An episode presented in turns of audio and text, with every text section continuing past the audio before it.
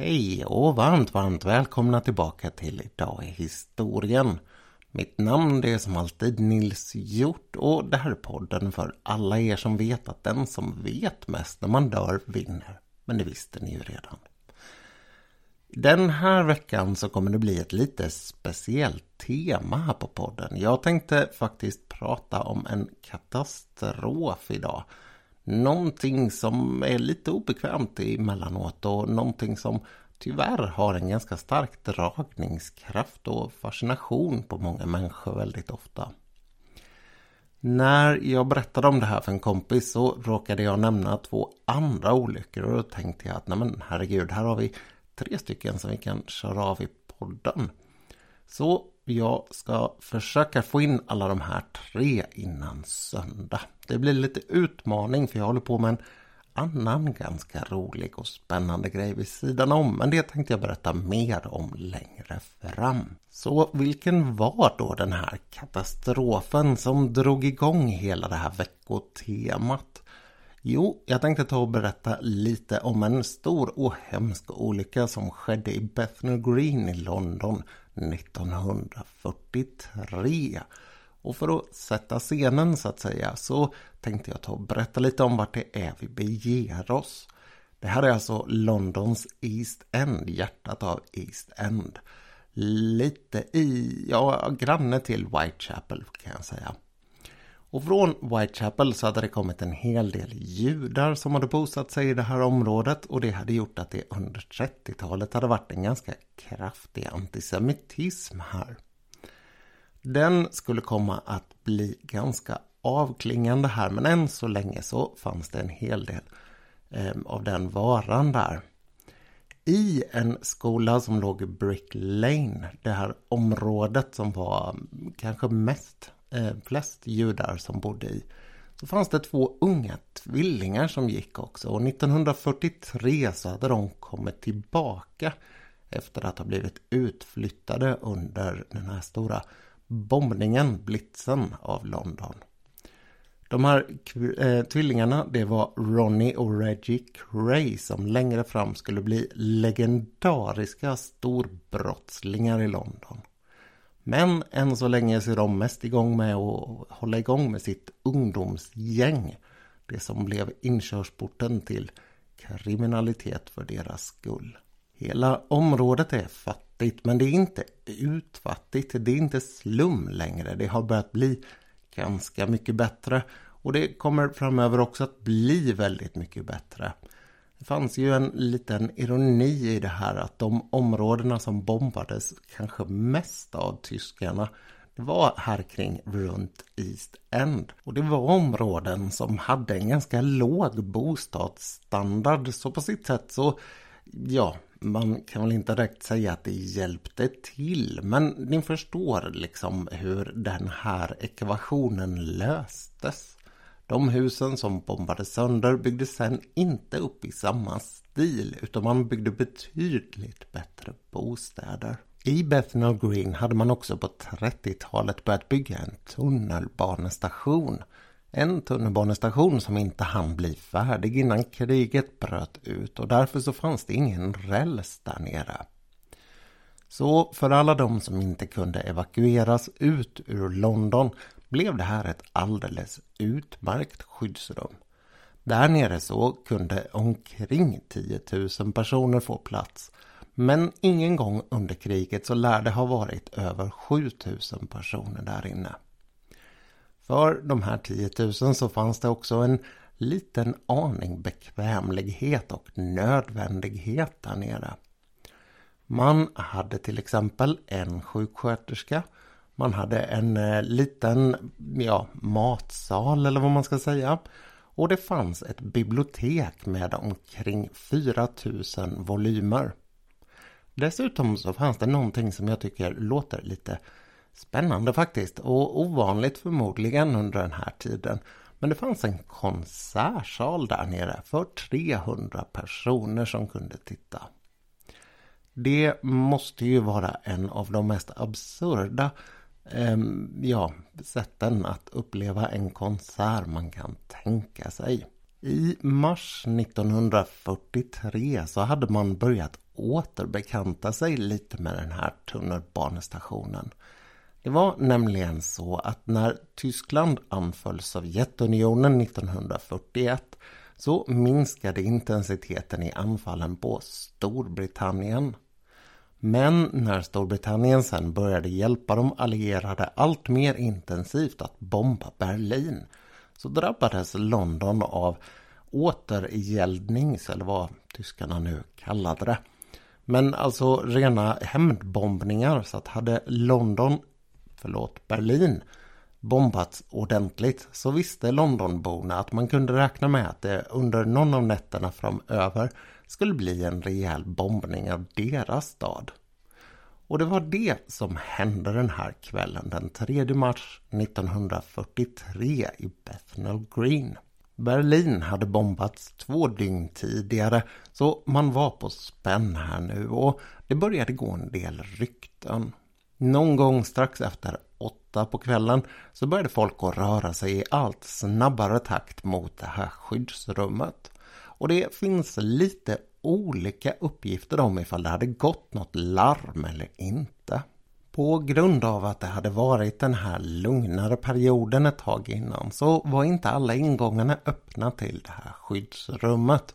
Utan den enda vägen in det var via en av nedgångarna till tunnelbanestationen. En ganska liten nedgång för det var en tunnelbanestation i London. Det var en trappa som gick rakt ner genom en liten öppning i trottoaren. 19 trappsteg och sen vek den av åt höger sju trappsteg och så kom man in i förhallen där. Där nere så var det betydligt mer utrymme att röra sig så det här blev ett slags nålsöga. Man hade påtalat att den här trappan inte var världens bästa sätt att ta sig in. Det var till exempel så att det väldigt ofta blev ganska halt där och eftersom det var mörkt så hade man velat ha lite bättre upplysning. Som det var nu så satt det bara en 25 watts lampa där. Och dessutom så var det ju faktiskt så att man hade kunnat sätta upp betydligt bättre räcken. För nu var det bara ledstång längs med sidorna när man gick ner. Och när ungefär 15 pers 1500 personer hade tagit de här välbekanta stegen nerför trapporna, vikt av in i ankomsthallen och sen fortsatt ner i underjorden, så kom olyckan. Det var ungefär tio minuter efter att alla hade börjat röra sig mot stationen. Och det är lite olika uppgifter också här vad det var som hände. Möjligen var det så att man i en park i närheten, Victoria Park, sköt med någon form av ny antiflygplan, vad heter det, luftvärnsraket och att det ljudet fick folk att börja skynda sig mer för att man inte visste vad det var och att det påminde om ljudet från flygplan och bomber. Men det där har som sagt inte klarlagts helt. Eller i alla fall inte där jag har hittat någonting. Utan uppgifterna är fortfarande motstridiga beroende på var man läser om det här. Och det där det har orsaker som vi ska återkomma till lite längre fram. Oavsett hur det var med det där så inleds nu den här katastrofen på simplast möjliga vis. På ett av de sista trappstegen i den här första trappan så är det någon, enligt de flesta vittnesuppgifter en kvinna, som halkar. I sin famn så lär hon ha burit något, antingen ett bylte innehållande någonting viktigt eller ett barn. Och i fallet så försöker hon därför med en hand att fånga upp sig och få tag i en man som är i närheten. En äldre man som inte orkar hålla emot och när de två faller så är det många efter dem som börjar tappa fotfästet också. Det blir snabbt omöjligt att ta sig ner de sista sju trappstegen och ut i den här ankomsthallen. Det blir istället en stor propp där. En propp av människor som fort pressas ihop och får allt svårare att andas. Hela tiden så väller det in nyanlända ovanifrån och omkring 300 personer beräknas ha suttit fast där inom loppet av 15 sekunder. En polisman som är ur tjänst fanns i närheten och han börjar fort att stoppa folk från att ta sig in. Han lyckas också uppmärksamma ett antal Air Raid Wardens, alltså sådana här vakter som tjänstgjorde under bombningar. Att eh, försöka hjälpa till och hålla fler människor borta. Och hastigt så börjar man nu försöka få upp de personerna som ligger överst i den här mänskliga proppen och på så vis lätta på trycket för dem nedanför. Men det blir väldigt snart väldigt tydligt att allting som kunde gå fel i den här situationen har gått alldeles fruktansvärt fel. Man får som sagt ganska fort undan de människorna som försöker komma ner i skyddsrummet. Och man börjar också tämligen omgående att få upp folk på gatan. De eh, läggs ut där och man börjar försöka undersöka vilka det är som lever och inte lever. Och det pratas en hel del om olika metoder här. Enligt vissa så gick man med en spegel och höll framför munnen och näsan för att se om det var någon utandningskondens. Och enligt andra så slängde man helt enkelt bara kallt vatten på folk för att se om de hoppade till liv av det. Men ganska omgående som sagt så insåg man att det här var en katastrof av en enorm faktiskt. Ehm, ett ord som jag sliter mycket på. Men i det här fallet så känns det mer rätt än någonsin av enorm omfattning. Hur stor den var, det skulle man först inte förstå. Eftersom den första åtgärden som påbörjades direkt efter att det här första upprensandet, eller vad man ska säga, i nedgången var klart var att försöka lägga locket på och förhindra att någon fick reda på att det här hade hänt. Så det är alltså två apparater som jobbar här sida vid sida. Den ena som försöker rädda så många liv som möjligt och den andra som försöker få den här eh, händelsen att dra så lite uppmärksamhet till sig som möjligt. Och det smått otroliga i det här sammanhanget det är att de som var nere i skyddsrummet redan ni kanske kommer ihåg att jag sa att det var ungefär 1500 personer där nere redan. De kommer inte riktigt att förstå att det har hänt någonting av den här omfattningen där uppe. På gatan så tar man också och bara kör undan de som alldeles uppenbart är döda på en lastbil så fort som möjligt. Och sen ringer man runt till sjukhus och säger att ni kommer få rejält mycket folk till er. De är redan på väg, så skynda på och förbered er.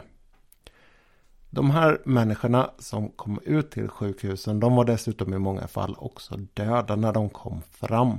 Man hade ingen bättre eller ingen vidare god sortering på plats. Och det mörka facit man hade att förhålla sig till när allting hade lugnat ner sig igen, man började få lite överblick.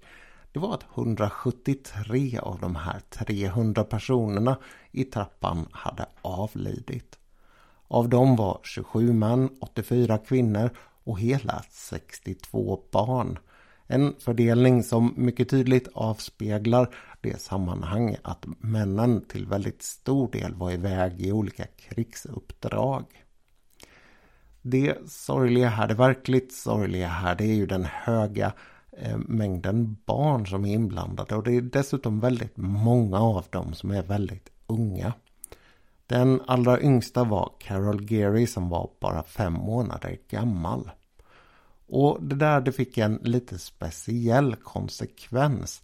Det var nämligen väldigt många barn som dagarna därefter tack vare den här mörkläggningen gick runt och letade och försökte hitta syskon och föräldrar och kompisar och försökte få lite grepp om den här situationen.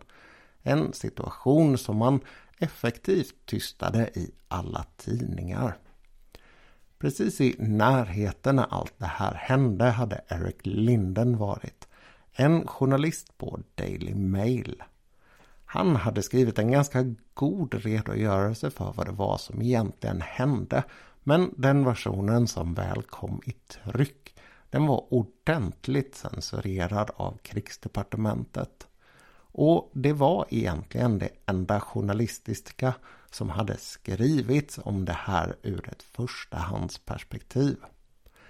Det fanns en hel del andra journalister som jagade storyn sen man visste att någonting hade hänt i Bethnal Green. Och det pratas bland en hel del av överlevarna om att man sprang runt där och försökte muta barnen och berätta. Men att de i många fall var så pass chockade eller så pass övertygade om att det inte fanns någon anledning att prata när man hade blivit tillsagd att vara tyst.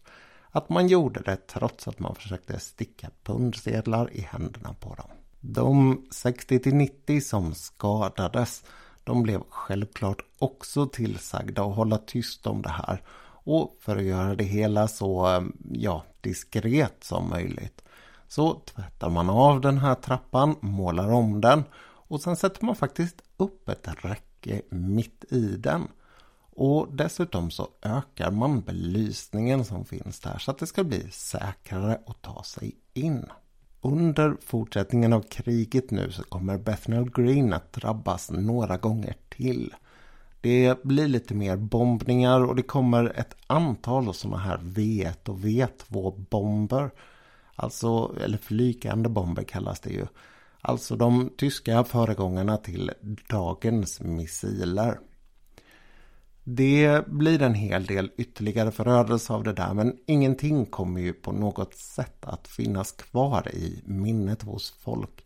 Som den där olyckan i trappan som ingen vill prata om men som alla vid det här laget vet om. Under 1940-talets slut och det tidiga 1950-talet så är det en hel del skadeståndsprocesser som pågår på grund av det här. På inget sätt så lyfter de locket och gör att man kan prata om den här olyckan. Utan det betalas ut lite diskret olika summor. Sammanlagt ungefär 60 000 pund till de anhöriga till de 173 avlidna. Det man framförallt riktar in sig på i de här skadeståndsprocesserna är det faktum att man faktiskt hade sagt tidigare att man måste förbättra säkerheten i den här trappan och att det är någonting som har stoppats av kostnadsskäl såklart från inrikesdepartementet. Som bevis, eller vad vi ska kalla det på, att deras krav var rättmätigt så lyfter man ju givetvis fram här att det efter olyckan kom precis de eh, sakerna som man hade bett om. Bättre räcken och bättre belysning. Men det absurda det är egentligen tystnaden som jag har varit framme vid flera gånger hittills. Tystnaden kring vad som är den största olyckan någonsin i Londons tunnelbana.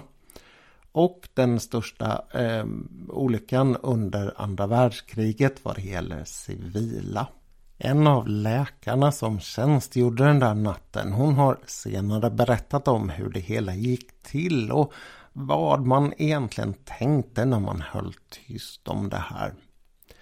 Hon hade vid kvart i nio, alltså ungefär en halvtimme efter det där förödande halksteget, fått ett telefonsamtal där man förbereder henne på att det kommer en hel del väldigt svårt skadade patienter till henne. Hon har till sin hjälp, hon bör då tilläggas i det här fallet, har varit färdig läkare själv i ett år och hon har till sin hjälp två medicinstudenter. Vid nio-tiden så börjar det välla in folk. De flesta är som jag sa tidigare redan döda.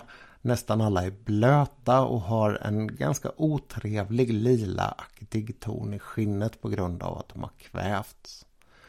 Man arbetar så mycket man kan med det här och väntar hela tiden på att det ska komma någon form av äldre överläkare som kan hjälpa till och som kan ge lite rådgivning om hur man ska prioritera och på vilket sätt man ska behandla olika personer.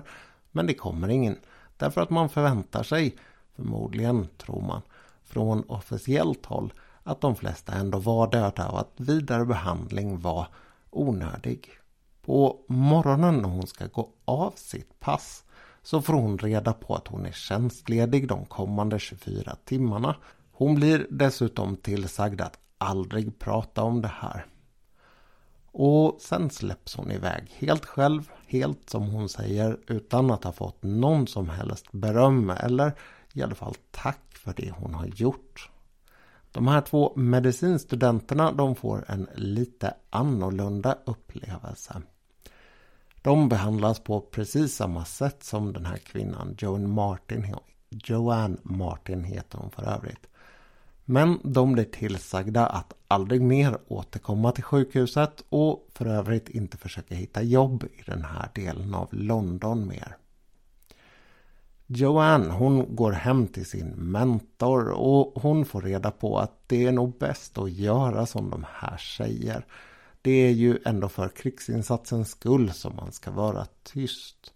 Och hon håller väl någonstans med själv så hon går hela livet och håller tyst om det här. Hon har fruktansvärda mardrömmar som förföljer henne. Mardrömmar om människor som kvävs.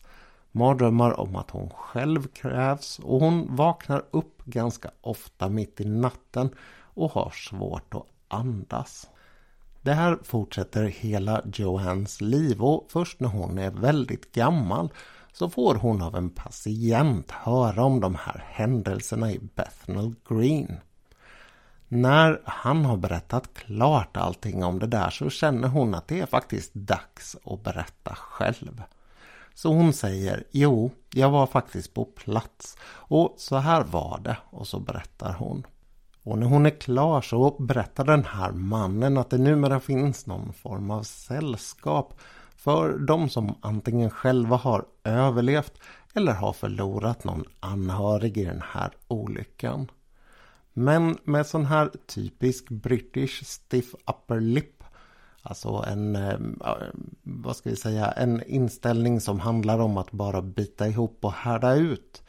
Så tänker Joanne att det finns ingen som helst anledning att engagera sig i något sånt.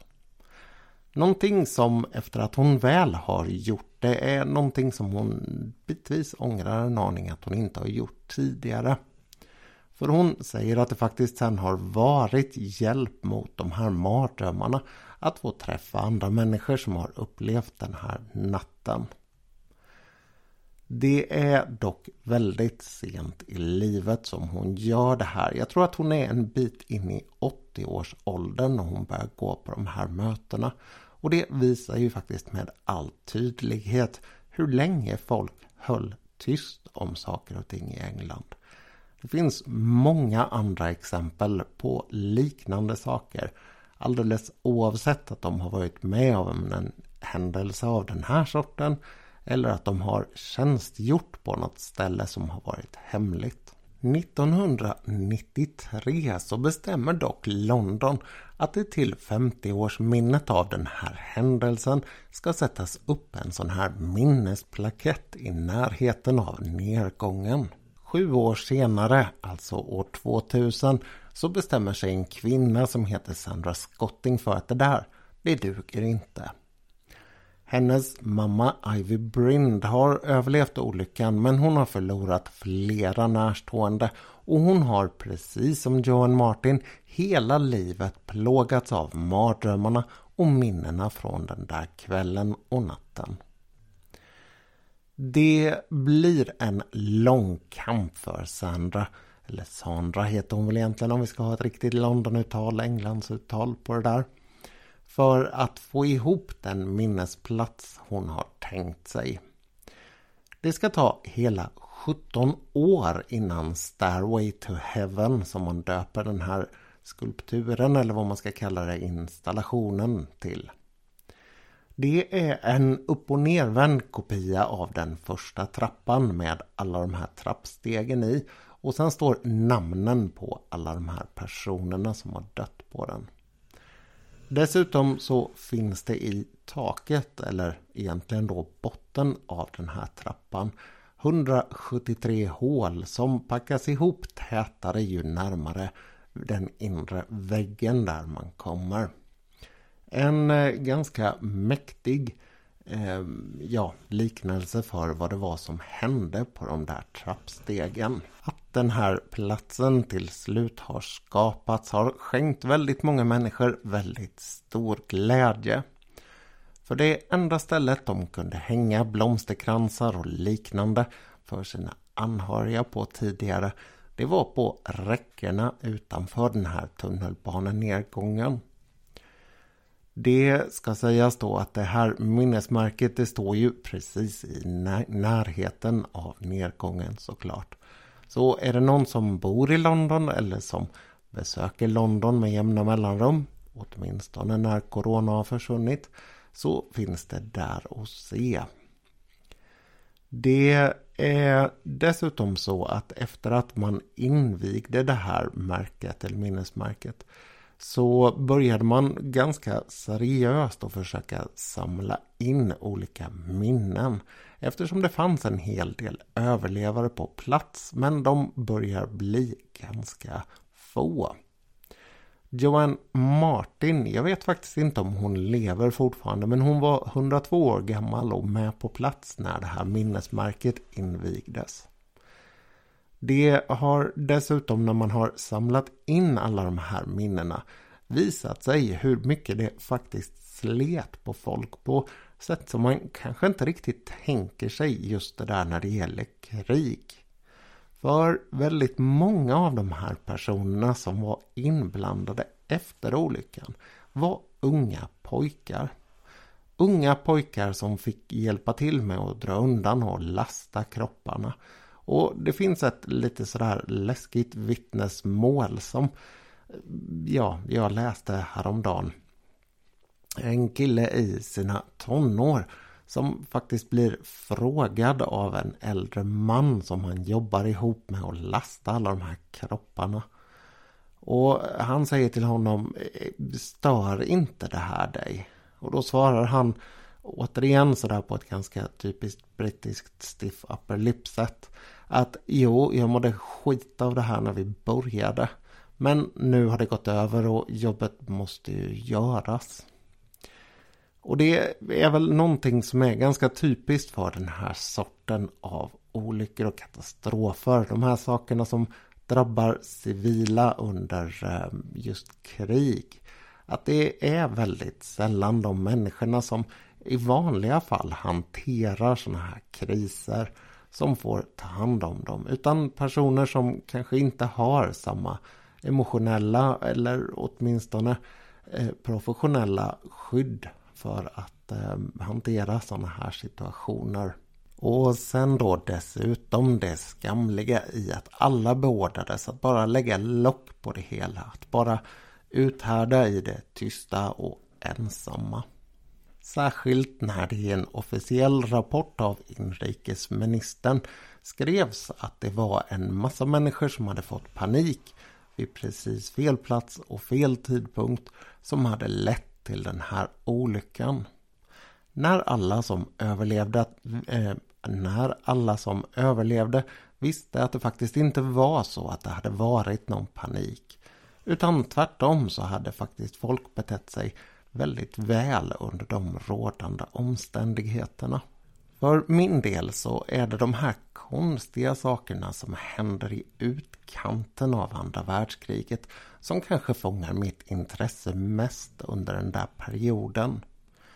Den oerhört märkliga situationen som rådde i London och som sen späddes på med katastrofer som denna. Det måste ha varit en väldigt, väldigt märklig upplevelse att leva i London vid den här tiden. Med det sagt så återstår egentligen bara för mig att säga att det blir en ny katastrof. Berättelsen om en ny katastrof. Eh, I mitten av veckan här så häng kvar så återkommer jag med det. Och om det är någon som vill ha tag på mig av någon anledning så kan ni alltid skriva ett mail på nils.nhjort.se Alltså en hjort precis som en och djuret gjort. Tills senare i veckan, allt gott!